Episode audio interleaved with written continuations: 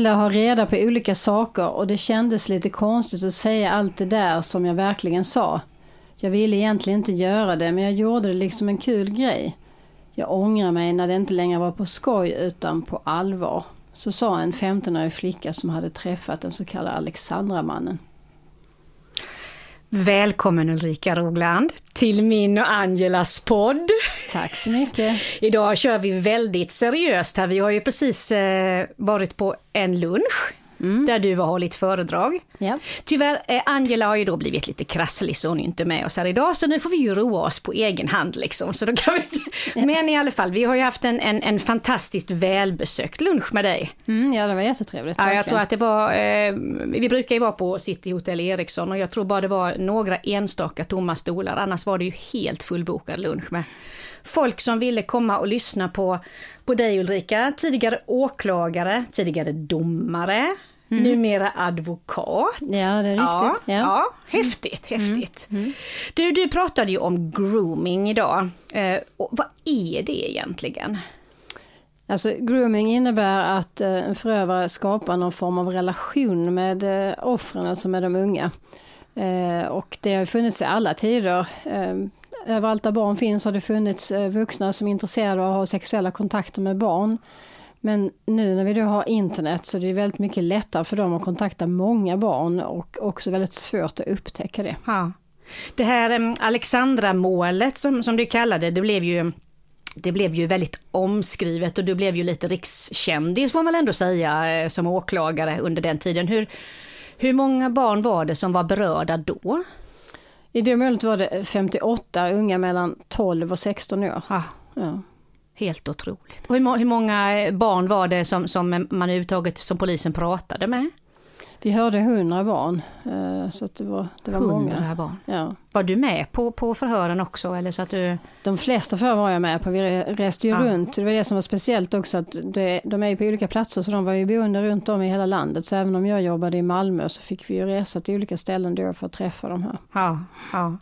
Och du berättade ju Dels, det var nog av de som kom och lyssnade idag då så var det ju nästan 40 eh, som var med och lyssnade. Och, och, en del kan ju kanske lite mer och någon kan lite mindre om det och sådär. Men, men eh, det man funderar över och som du också fick frågor om naturligtvis, det är, det, är det speciella tjejer då som, som har väldigt mycket problem som, som faller för de här Alexandramannen eller vad svarar du på det?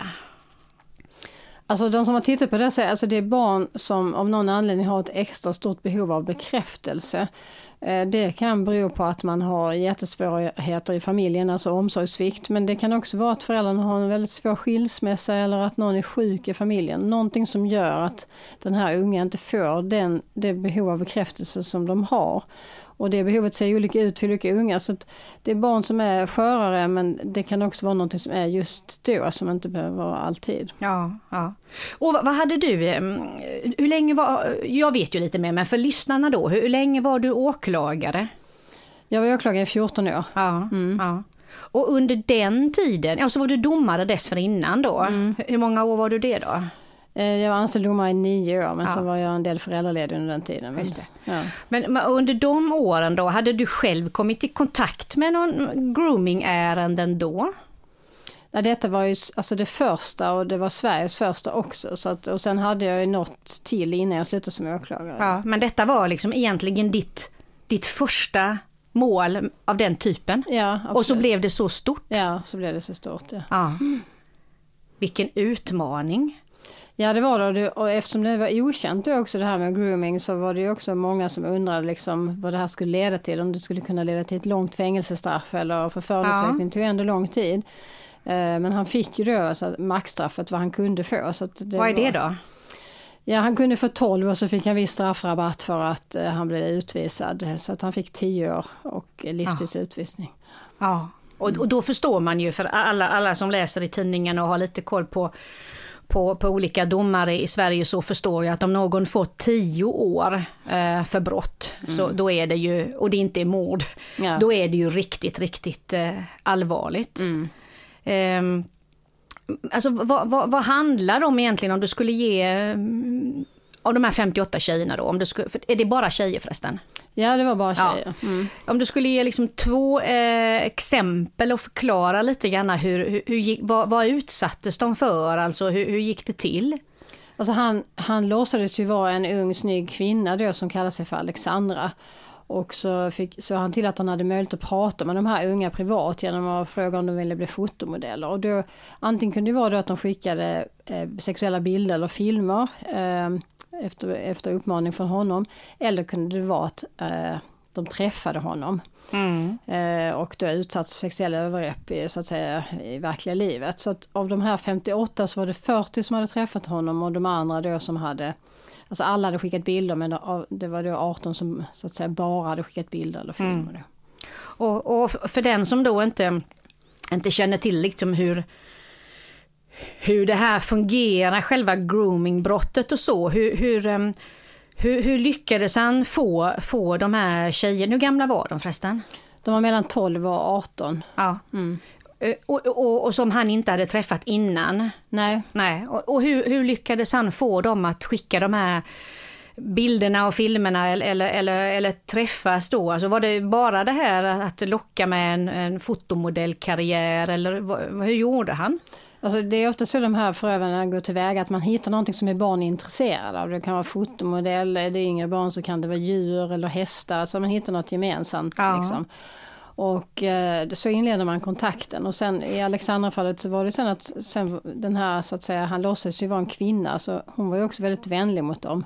Pratade mycket, hörde av sig och frågade hur det var med dem. Och det var ju då som hade det jobbet just då så de, för många blev hon deras bästa vän. Ja. Sen kan det vara, man har sett i andra fall där använder de sig av, först är de vänliga och sen så börjar de hota lite att de ska sprida de här bilderna som de har fått. Så det kan se ut på lite olika sätt. Ja, ja. Nej, men det är ju, vi hade ju en diskussion här också på lunchen att um, hur skyddar man sig mot det här och, och någon tänkte sig, men kan man inte bara begränsa barnens, um, till exempel i skolan och så är det ju de här datorerna och, och nätet och så, det är ju kommunen som styr. Kan man inte bara kan man stoppa det här genom att begränsa tillgången till vissa delar av nätet under skoltid till exempel? Skulle det hjälpa? Nej det gör inte det för de här förövarna är ju på alla platser där barn är så det skulle ju vara att vi skulle förbjuda alla ställen där barn vill vara också. För det här är ju ofarliga spel eller hemsidor om Eh, så de nästlar sig in där och låtsas vara barn själva. Ja. Så vad man måste göra är att barn får, alltså får lära sig om internet och få lite regler och att de vet att det inte alltid är det man ser på bilden som är den bakom, alltså för de yngre barnen. Mm. Och för de äldre barnen så är det viktigt att just att de förstår att inte de gjort fel och att de berättar om det som händer. Ja. Men sen berättade du att du hade haft ytterligare ett mål här i din karriär då, att, och att det var ännu, ännu yngre barn. Ja, man ser att det kryper ner. Där var den yngsta nio år. Eh, och det var ju en som låtsades vara 16 och hade en gullig nalle på sin bild och så. Så det var ju många som ville bli hans pojkvän och så. så att, eh, och då ja. kröp det ner i åldrarna. Och jag har sett exempel också där det varit barn ner mot fem år. Så det kan vara väldigt små barn som blir kontaktade. Men, men och då, då, när man inte, om man inte är så, så insatt i detta så tänker man, ja men hur, herregud, hur kommer man i kontakt med en, med, med en femåring? Eh, eh, som inte då kanske förväntas titta på porrsidor eller så här. Det är kanske det man tänker när man är som förälder då. Att mm. bara de inte gör det så, så är det tryggt. Eller spela några läskiga spel eller sådär. Men, men, men en, en person med, med de avsikterna, hur, hur kommer den personen i kontakt med en femåring till exempel? Alltså idag är ju barn inne på internet väldigt unga och det ja. finns det ju sådana här gulliga spel och sidor där man har olika som ser ut som dockor där man kan välja hur de ser ut och sådär. Så att, och då är ju förövarna där och det kan ju vara när de riktigt små barnen så kan det ju vara att ett syskon har varit inne och så att de lockar liksom till att de ska gå till lillebror, att lillebror ska göra sexuella saker och så. Så det kan se ut på väldigt många olika ja. sätt. Mm. Och, och ähm, av de här, det var ju hundra flickor, var det alla, alla, alla ni pratade med, eller polisen pratade med, om de här hundra, var det flickor då? Ja, det var ja, flickor. Ja. Mm. Och, och, och, så blev det ungefär lite mer än hälften då som där man kunde bevisa brott. Men de andra då, vad hände med, varför ledde det inte till någonting med de andra 40 tjejerna? Nej, alltså det, det är ju så att de här barnen, de, det är inte så att de anmäler själva utan de vill ju inte berätta. Så när man kommer till ett polisförhör så är det inte för att de har anmält utan det är för att man har hittat i en dator som man har i beslag kanske av en annan anledning. Ja. Så att de här unga, de andra unga, de vill ju inte berätta. Och hade vi då inte tillräckligt mycket i det som var skrivet eller vi inte kunde vara helt säkra på att det var de som var på bilderna så gick det ju inte att åtala. Nej. Men, men varför, varför vill man inte berätta då? Det är ju det som är en del av den här planen, att de får de unga att känna sig delaktiga. Genom att de har skickat bilder eller haft kontakt med någon okänd så känner de att de har gjort fel. Och då vill de inte anmäla eller berätta för vuxna utan de vill att det här ska vara hemligt. Mm. Du, du, har ju blivit som sagt eh, rikskändis kring detta. Du har ju varit med och skrivit en bok till och med. Ska du mm. berätta lite om den? Den hade strykande åtgång på lunchen idag för övrigt. Ja, eh, efter det här fallet så Sven Kristiansson som också då var expert och hördes i målet just om grooming så gav vi ut en bok som heter Jag känner mig speciell som handlar om Alexanderfallet och grooming.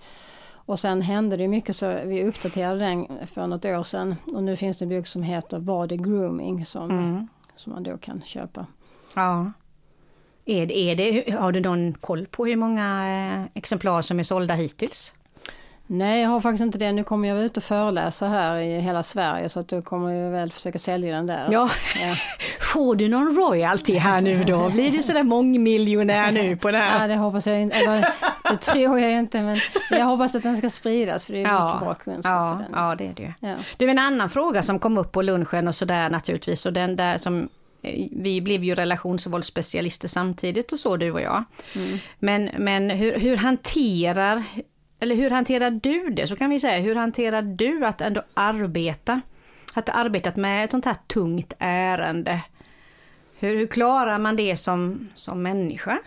Alltså man lär sig att ha viss distans. I början när man var åklagare så var det jobbigare när man hade svåra saker och sen så, så lär man sig att förhålla sig bland annat genom att föreläsa om det. Sen kan det ju klart vara när man är mitt uppe i att det kan vara lite jobbigt eh, och så men oftast är det så att när man går hem så tänker man inte så mycket på det. Men det här ärendet, Alexandra måste ju ha ändå följt dig? Jo, det gör det och det gör det ju fortfarande på sitt sätt liksom, för det, det levde mig med under två år. Så det är klart att, ja. alltså det är samma när jag föreläser om detta, jag kan ju det här innan och utan. Jag kan ju stå här och skulle kunna stå och prata i timmar liksom, för att ja, man levde ja. med det så väldigt länge. Så att. Och mediekontakten kring det då, kan du berätta lite om, alltså hur, hur kändes det då? För, man, för det är klart, det blir, det, jag minns ju när var detta? Det var... 2005 till 2007. Ja. ja.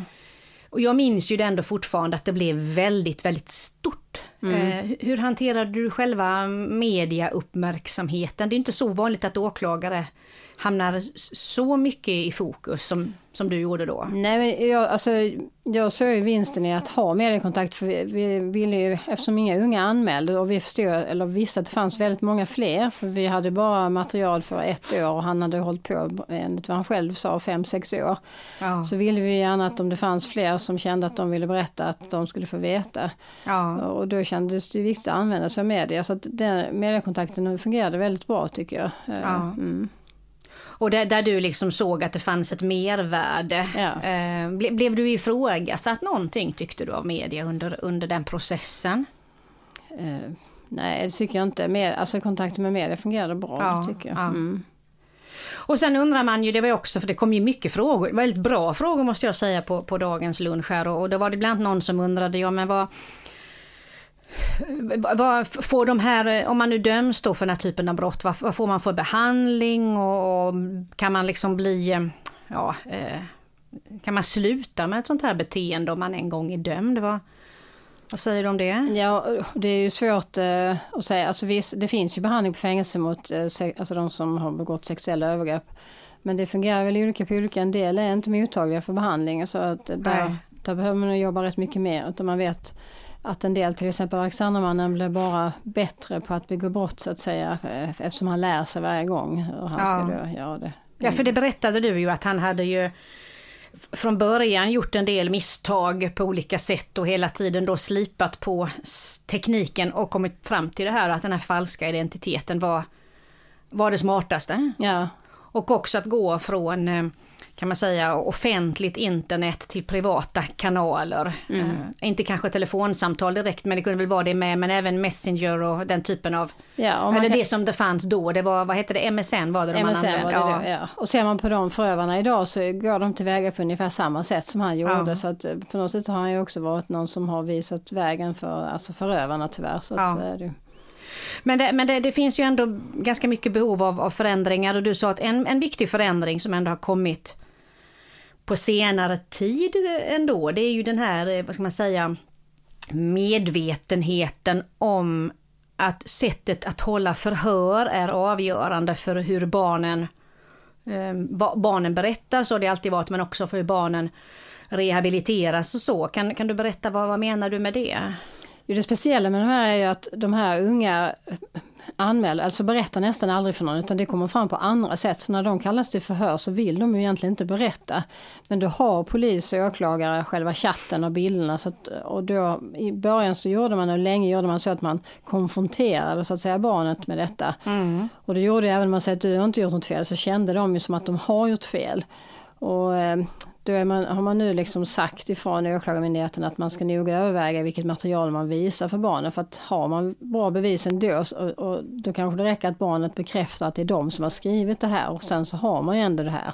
Jaha, du menar man, be man behöver inte visa alla, alla bilder som, som kan vara kränkande som, som visar för, dem för barnen och man behöver inte heller läsa upp allt vad de har skrivit Nej, och så? om man redan har klart för Nej, okej. Okay, okay. Och det gjorde man med och då satt man där och läste igenom allt så fick de sitta där och så skämdes de jättemycket tyckte jag. Ja. Och det är klart gjorde att det blev ännu svårare för dem sen för det här blev extremt jobbigt. Då. Jo för frågan var ju också den att ja, men varför, varför, en sak är att man inte vill berätta men, men varför anmäler inte fler eh, barn själva det här som de har blivit utsatta för då?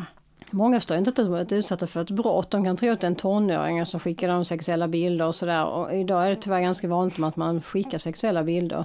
Och sen om de själva då skickar en sexuell bild så blir det svårt för dem att skilja ut att de varit utsatta för ett brott eller om de själva har gjort någonting som är fel. Mm. Och då känner de mycket skuld och då vill de heller inte berätta alls. Nej.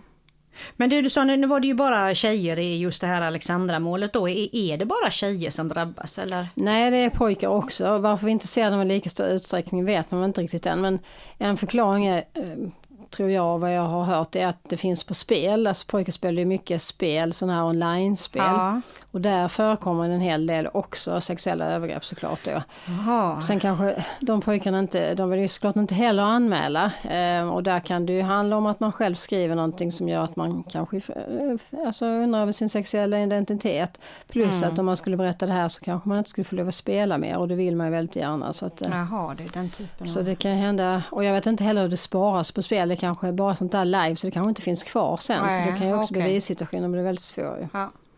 Du, men ehm, då blev det ett väldigt seriöst avsnitt och så, men jag tycker den här frågan är ju, är ju jätteviktig. Eh, det visade ju också det här jätteintresset bland mm. Eh, alla som kom till lunchen idag och så, men om vi ändå skulle avsluta med en, en ehm, vad ska man göra då? Eh, för det var, det var ju många, när jag vet att när jag skrev en av de här inläggen på Facebook och ville locka folk hit så skrev jag ju bland annat det att har du barn eller, eller barnbarn eller syskonbarn eller, eller sådär så, så kom gärna och lyssna. Mm. Eh, och vad ska man ta med sig då om man, om man, om man har barn i sin omgivning som man vill, vill skydda eh, och det då inte hjälper med att begränsa internet? Vad, vad, vad kan man göra som, som förälder eller farförälder eller morförälder eller, eller så. Vad kan man göra då? Man kan intressera sig för, för vad de gör på internet, vilka appar eller sidor de är inne på och skaffa lite kunskap om det så man kan prata med barnet om det.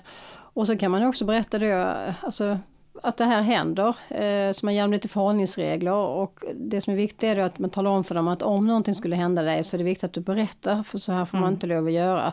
Och skulle du berätta så kommer inte jag säga att du har gjort något fel utan jag kommer att lyssna och sen verkligen tänk, träna sig på det, liksom, att om de berättar att man lyssnar och inte skuldbelägger. Ja, ja.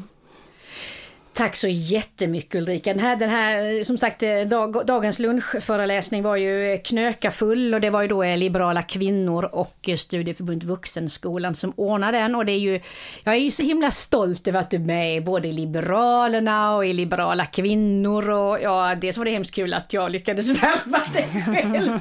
Men sen är det ju helt fantastiskt att du ändå som specialist på detta ändå valde Liberalerna och att Liberalerna nu har tillgång till din, till din spetskompetens. Det är ju helt fantastiskt. Så tack så jättemycket för att du kom Ulrika. Tack, tack ska du ha. Tack.